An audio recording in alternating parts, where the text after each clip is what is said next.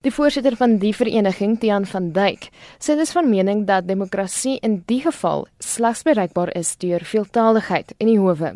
Persone wat met ander woorde dan in 'n hof moet getuig of persone wat nie in hulle moedertaal in die hof bedien kan word nie, word natuurlik benadeel. Volgens hom is dit onduidelik presies wie besluit het op die verengelsing van ons howe. Volgens hulle inligting was dit hoofregter Mogoeng Mogoeng.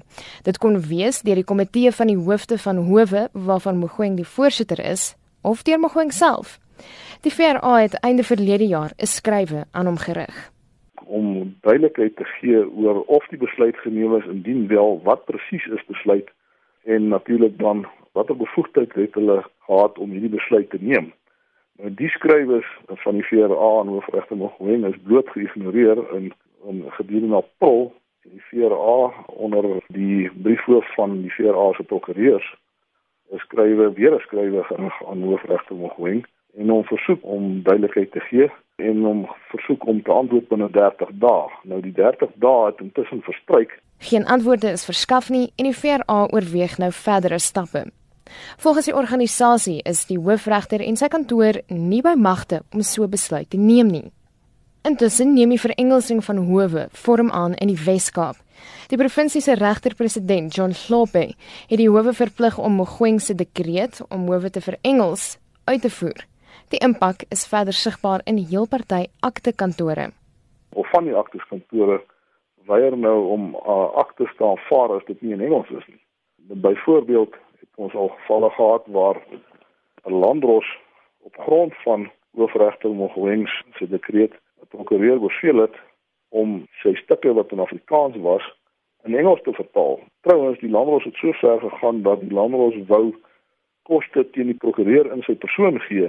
Nou gelukkig is dit afgeweer, maar dit is 'n baie onaangename situasie. Van Dijk sê die enigste taalgroep in die land wat bevoordeel word, is Engelssprekendes. Die ander 10 amptelike landstale suig aan die agterspeen.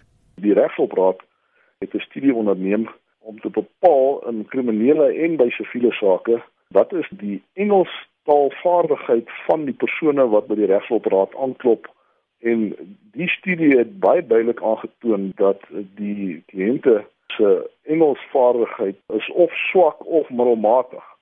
Volgens van Dijk is daar 'n wanpersepsie dat Engels die meeste in die land gepraat word. Volgens 'n sensusopname in 2011 word Engels maar vierde meeste in die land gepraat, na Zulu eerste, Xhosa tweede en Afrikaans derde. Tydens die ADKV se simposium om die kwessie by die horings te pak, is die voorstel gemaak dat howe burgers in die drie grootste tale in hulle provinsies moet bedien.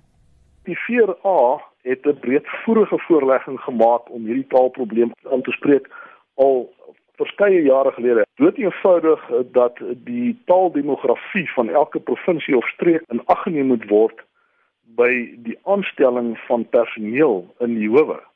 Die prokureur en taalaktivis Corneels Lourens het onlangs voorgestel dat 'n handves van taalregte opgestel moet word om kwessies soos die daadwerklik en effektief aan te pak dit sal hopelik die bewuswording onder die taalgemeenskappe aanwakker van hulle taalregte en ons hoop dit kan uh, lei tot 'n uh, beter verstaan van taalregte deur spesifiek die howe. Dit was die voorsitter van die Vereniging van Regsluifer Afrikaans, Tiaan van Wyk. Ek is Marlene Forsie vir SAK nuus.